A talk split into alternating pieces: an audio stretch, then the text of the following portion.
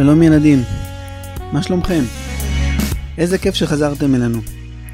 אנחנו עם עוד סיפור בפודקאסט סיפורי תנ"ך לילדים. בפרק הקודם, אתם בטח זוכרים, סיימנו את ספר שופטים.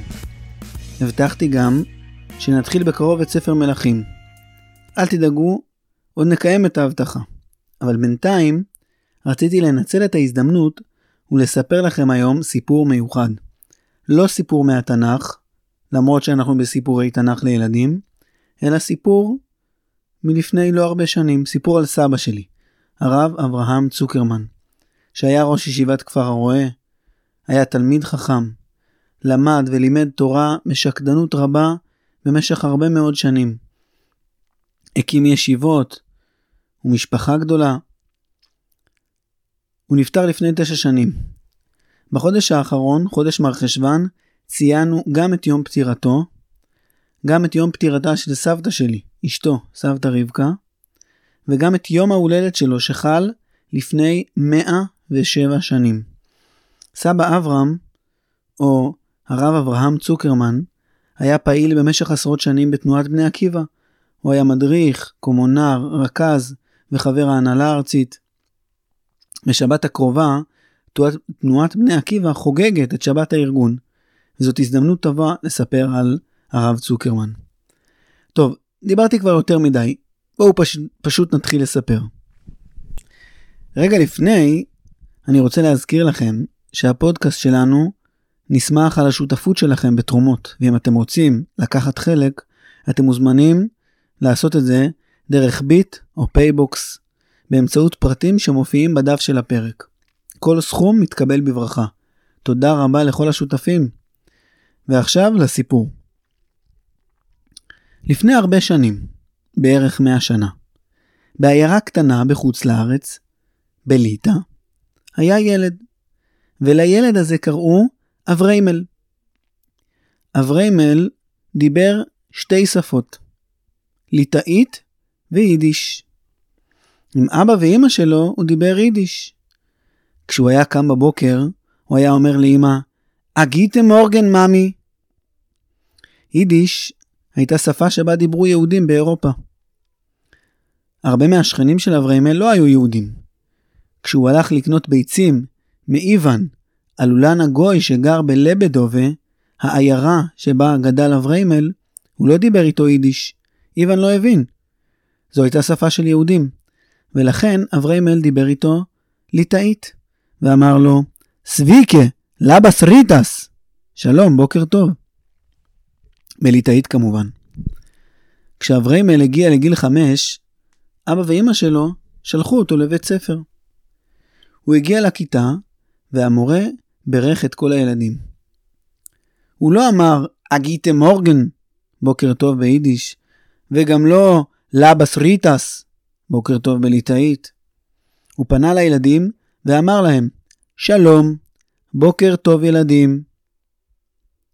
אבריימל הגיע לבית הספר כשהוא כבר מכיר את האלף-בית. הוא כבר למד בבית לקרוא בעברית.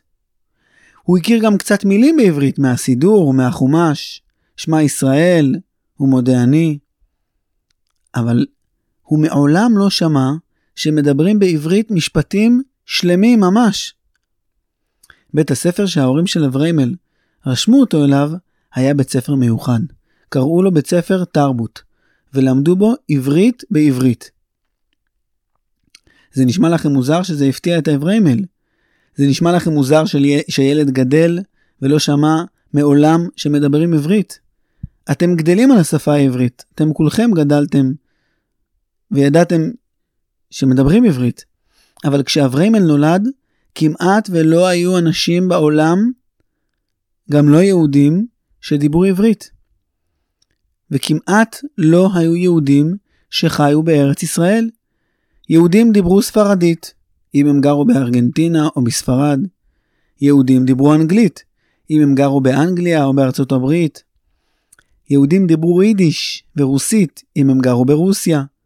ויידיש וגרמנית, אם הם גרו בגרמניה.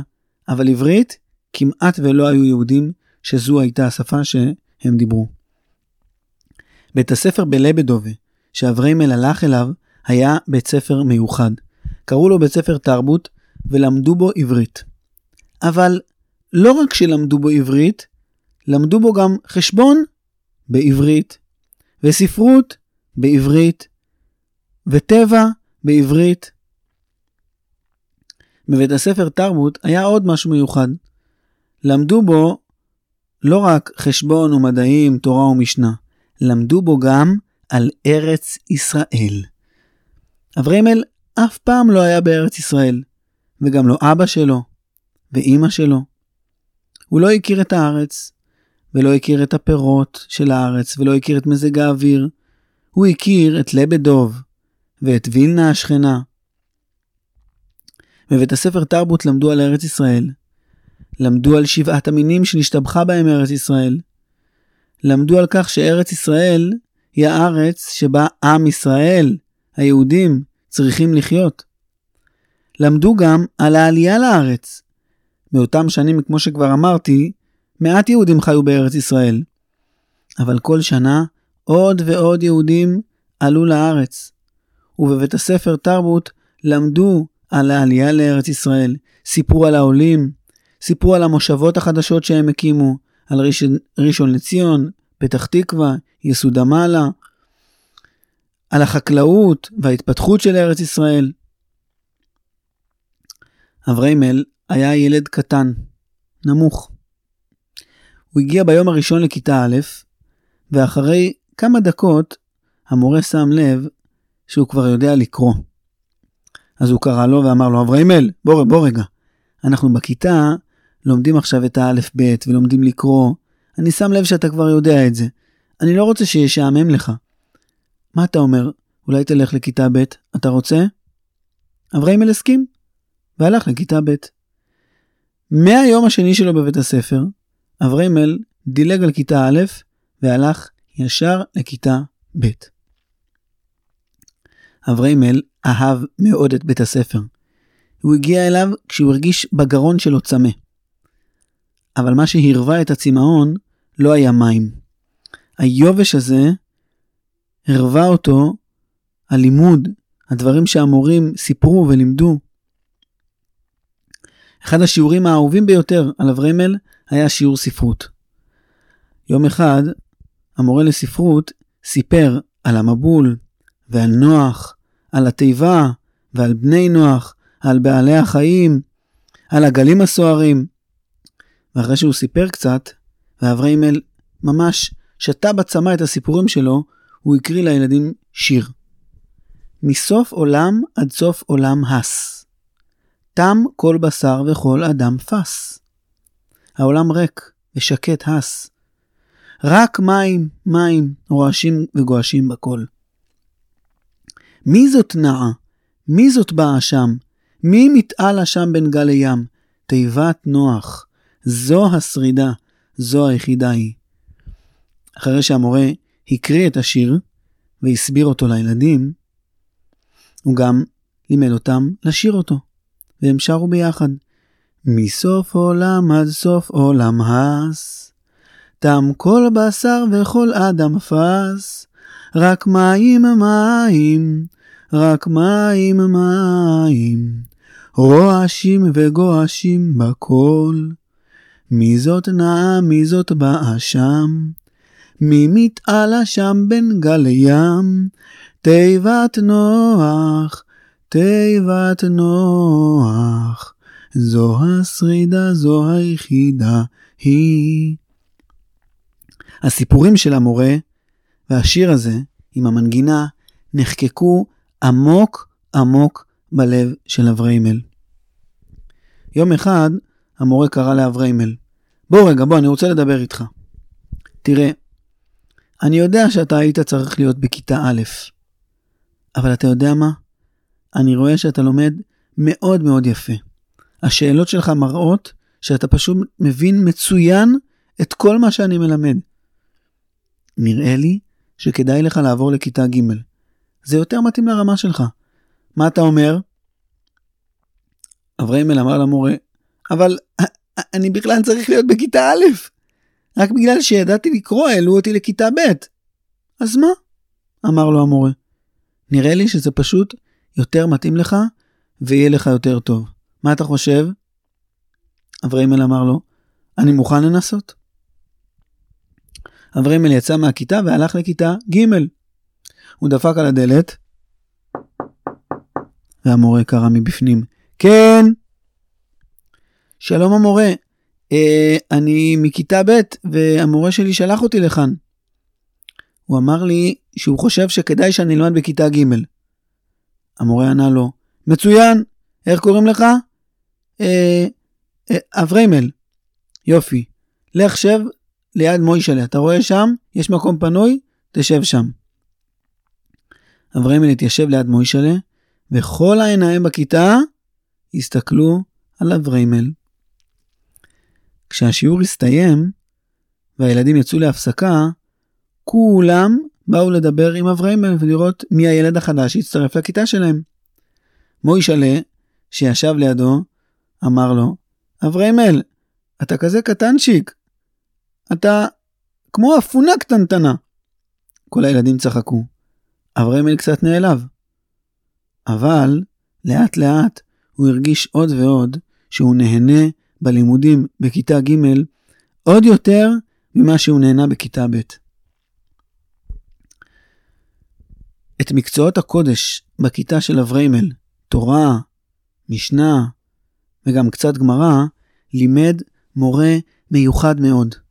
למורה קראו הרבה. הרבה רב מוטה. הרבה רב מוטה לימד את הילדים פסוקים, הוא שינן אותם יחד, פסוקים מהתורה. הוא סיפר להם סיפורי תורה. הוא למד איתם משניות והלכות, וגם קצת גמרא. אברהימל הקשיב והרגיש כאילו הוא שותה מים קרים קרים ביום חם ומייבש. אברהימל אהב לשאול שאלות, במיוחד בשיעורים של הרבי רמוטה, והוא אהב מאוד מאוד את ההסברים והתשובות המיוחדות שהרבי היה עונה בנחת ובנעימות. יום אחד הרבי רמוטה אמר לכל, הילד, לכל הילדים בכיתה, מי שרוצה מוזמן אליי הביתה לשיעור מיוחד, ללימוד מיוחד, בשבת אחרי הצהריים. אחרי מנחה בבית הכנסת, תגיעו אליי הביתה ונלמד ביחד פרקי אבות. לאברהם זאתו הייתה שאלה, היה ברור לו שהוא מגיע לשיעור. ובאמת אחרי מנחה של שבת, הוא צעד לביתו של הרבי רמוטה יחד עם עוד ארבעה ילדים. הרבי רמוטה פתח את המשנה והתחיל לקרוא את המשנה הראשונה בפרקי אבות. משה קיבל תורה מסיני, ומסרה על יהושע, ויהושע לזקנים, וזקנים לנביאים, ונביאים מסרו על אנשי כנסת הגדולה. הרבי רמוטה הרים את העיניים מהמשנה, ואמר לאבריימל ולילדים שבאו ללמוד יחד איתו. התורה עוברת מדור לדור, ממשה רבנו מסיני, לתלמידים שלו, ליהושע, ולזקנים, ולנביאים, ועד ימינו. היא לא נעצרה באנשי הכנסת הגדולה. גם אנשי כנסת הגדולה לימדו את התלמידים שלהם, והם את התלמידים שלהם. התורה עוברת מדור לדור, וגם אני זכיתי לקבל מגדולי הדור הקודם, מגדולי ישראל. אתם יודעים איפה אני למדתי? אמר להם הרבי רב מוטה.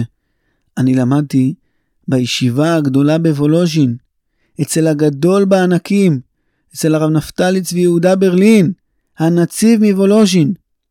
אתם יודעים איזה שקדן הוא היה? ואתם יודעים איזה בית מדרש היה לנו? בית מדרש גדול, מלא בתלמידים, מלא בקומות, בקולות רמים של חברותות שלומדות יחד. וזה לא היה רק במשך שעות היום, במשך כל שעות היממה, כל היום וכל הלילה. לא הייתה שעה שבית המדרש היה שקט וחשוך. כל הזמן נשמע בו כל לימוד התורה. אך, איזו תקופה זו הייתה שלמדתי שם. אתם יודעים, הישיבה בוולוז'ין נסגרה. הנציב נפטר כבר לפני למעלה מ-20 שנה, אבל יש היום ישיבות אחרות. הרבה, ברוך השם. וכשאתם תגדלו, תמשיכו גם אתם את המשנה הזאת, את משה קיבל תורה מסיני. תמשיכו גם לקבל את התורה, היא תעבור לאבריימל ולמוישלה ולחיימקה, ואתם תמסרו אותה לדור הבא. בכל שבת אחרי הצהריים, אחרי מנחה, היו אבריימל והחברים יושבים בבית של הרבי רמוטה ולומדים יחד פרקי אבות. שומעים ממנו סיפורים יפים והסברים מתוקים ומעניינים. אבריימל גדל, הוא הגיע כבר לכיתה ה'. הרבי רמוטה הציע לאבריימל ולחברים ללמוד יחד בעוד הזדמנויות, לא רק בשבת. בכל ערב הם היו הולכים יחד לתפילת ערבית, ואחריה יושבים יחד ולומדים גמרא. בעומק ובהתמדה, שעה שלמה של לימוד, ערב אחרי ערב. הרבי רמוטה עשה את זה בשביל שאבריימל והחברים שלו יהיו מוכנים ללכת לישיבה. נו אבריימל, שאל הרבי רמוטה את אבריימל יום אחד, מתי אתה כבר יוצא לישיבה? אה, הרבה, אה, האמת היא ש... שאבא שלי לא כל כך רוצה. אבא שלך? התפלא הרבי רב מוטה. רב נחמיה? יהודי צדיק, ירא שמיים, תלמיד חכם. מה פתאום הוא לא רוצה שהבן שלו ילמד בישיבה? אה, האמת היא שהוא הוא, הוא צריך... אבל אני מרגיש לא נעים. אבא צריך עזרה בעבודה. הוא בונה בתים, והוא רוצה שאני אצטרף אליו, להקל עליו. נו נו, אני אדבר איתו, הבטיח הרבי רב מוטה.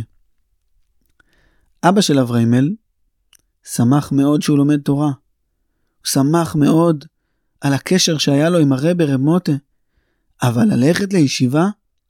לעזוב את הבית במקום להצטרף אליו לעבודה ולעזור לו? זה היה נראה לא מוגזם. יום אחד סיפרו חברים של נחמיה, אבא של אבריימל, שדרשן מופלא מגיע לאחד מבתי הכנסת בלבדוב. יש לו דרשות מצוינות וכדאי מאוד ללכת לשמוע אותו. נחמיה הלך להתפלל בבית הכנסת שאליו הגיע הדרשן. הדרשן נעמד על הבימה והתחיל לדבר. הוא אמר, כתוב בתהילים, בת בבל השדודה, אשרי שיוחז וניפצת עוללייך אל הסלע. מי יודע מה הפירוש של המילה סלע? סלע זה אבן, נכון, אתם צודקים. אבל אתם יודעים שבמשנה ובגמרא יש למילה סלע עוד פירוש. סלע זה מטבע, סלע זה כסף. מה זה ניפץ את עוללייך אל הסלע? עולל זה תינוק. מה זה לנפץ תינוקות על סלעים? חס וחלילה. זה לא להרוג אותם. ההורים פה בלבדוב ובעוד עיירות אחרות מנפצים את הילדים שלהם על הסלע. אתם יודעים מה זה אומר? אני אסביר לכם. במקום לשלוח אותם לחינוך טוב, במקום להשקיע ולגדל אותם בתורה, במקום לשלוח אותם לישיבות שיתמלאו בתורה, ההורים רוצים לחסוך כסף. ההורים רוצים שהילדים יעזרו להם בעבודה. וככה הם מנפצים את הילדים. גדל ילד, אוהב תורה, מתמיד, מעמיק, שמח בלימוד, ובמקום שילך לישיבה, במקום שיצטרף למסורת של מסירת התורה שבעל פה מדור לדור, במקום שיצטרף ללומדי התורה ומלמדיה, ההורים מנפצים את, ה, את, ה, את הבן שלהם, שיכול להיות גדול בתורה, אל הסלע, אל הכסף. זה נכון, לא כל ילד מתאים ללכת לישיבה, לא כל ילד מתאים ללימוד תורה, אבל הורים יקרים, אני פונה אליכם, תנו לילדים שלכם לפחות את האפשרות ללכת לישיבה וללמוד ולגדול בתורה. הדרשן המשיך, אבל את הסוף של, של הדרשה נחמיה כבר לא שמע, הוא לא היה מרוכז. הוא חשב בליבו, מה זה, הדרשן הזה נשלח עליי מהשמיים? הוא חזר מהתפילה הביתה ואמר לאבריימל, אבריימל, לאיזה ישיבה אתה רוצה ללכת? מה, אבא, מה קרה? איך השתכנעת? מה, אתה לא, למה אתה שואל? אתה כבר לא רוצה ללכת לישיבה? בטח, בטח שאני רוצה, אבא. נו, אז לאיזה ישיבה? אני לא יודע. בוא נלך לשאול את הרבי רב מוטה. אבריימל ואבא הלכו יחד לרבי רב מוטה. והוא הציע שאבריימל יתחיל בישיבת אושמינה. ישיבה שהייתה בעיירה קרובה. הרבי רב מוטה גם הסכים ללוות את אבריימל וללכת איתו לישיבה. אברהם הכין מזוודה עם קצת בגדים וקצת עוד כל מיני דברים שהוא היה צריך. אמר שלום לאבא ואמא ויצא לדרך. את הדרך עשו על עגלה רתומה לסוס. זה היה שבוע אחרי יום הולדת 12 של אבריימל. ואחרי נסיעה של כמה שעות בעגלה, אבריימל והרבי רמוטה הגיעו לישיבה באושמינה. אבריימל קיבל מיטה, קיבל גם מקום בבית המדרש, הראו לו מי הרם שלו, שמלמד אותו, לאיזה שיעור הוא נכנס. אבריימל התיישב בבית המדרש והתחיל ללמוד. מאז, במשך שנים ארוכות, למעלה מעשר שנים, אבריימל למד בישיבות. הוא למד תורה בשקידה ובעומק, אצל רבנים ותלמידי חכמים גדולים שהיו אז בליטא. בכל פעם הוא היה נוסע לישיבה לתקופה ארוכה וחוזר הביתה לתקופות קצרות מאוד. אחרי שנה בישיבה באושמינה, אבריימל עבר לישיבה גדולה יותר, לישיבת פינסק. אבריימל נסע לפינסק, וכשהוא נכנס לבית המדרש, הוא פתאום חטף סחרחורת. הוא כבר למד בישיבה. הוא ידע איך נראה בית מדרש. אבל הישיבה באושמינה הייתה ישיבה קטנה. והנה כאן בפינסק, בית מדרש גדול, מלא בסטנדרים, מלא בבחורים, צפוף, רועש, רעש של לימוד.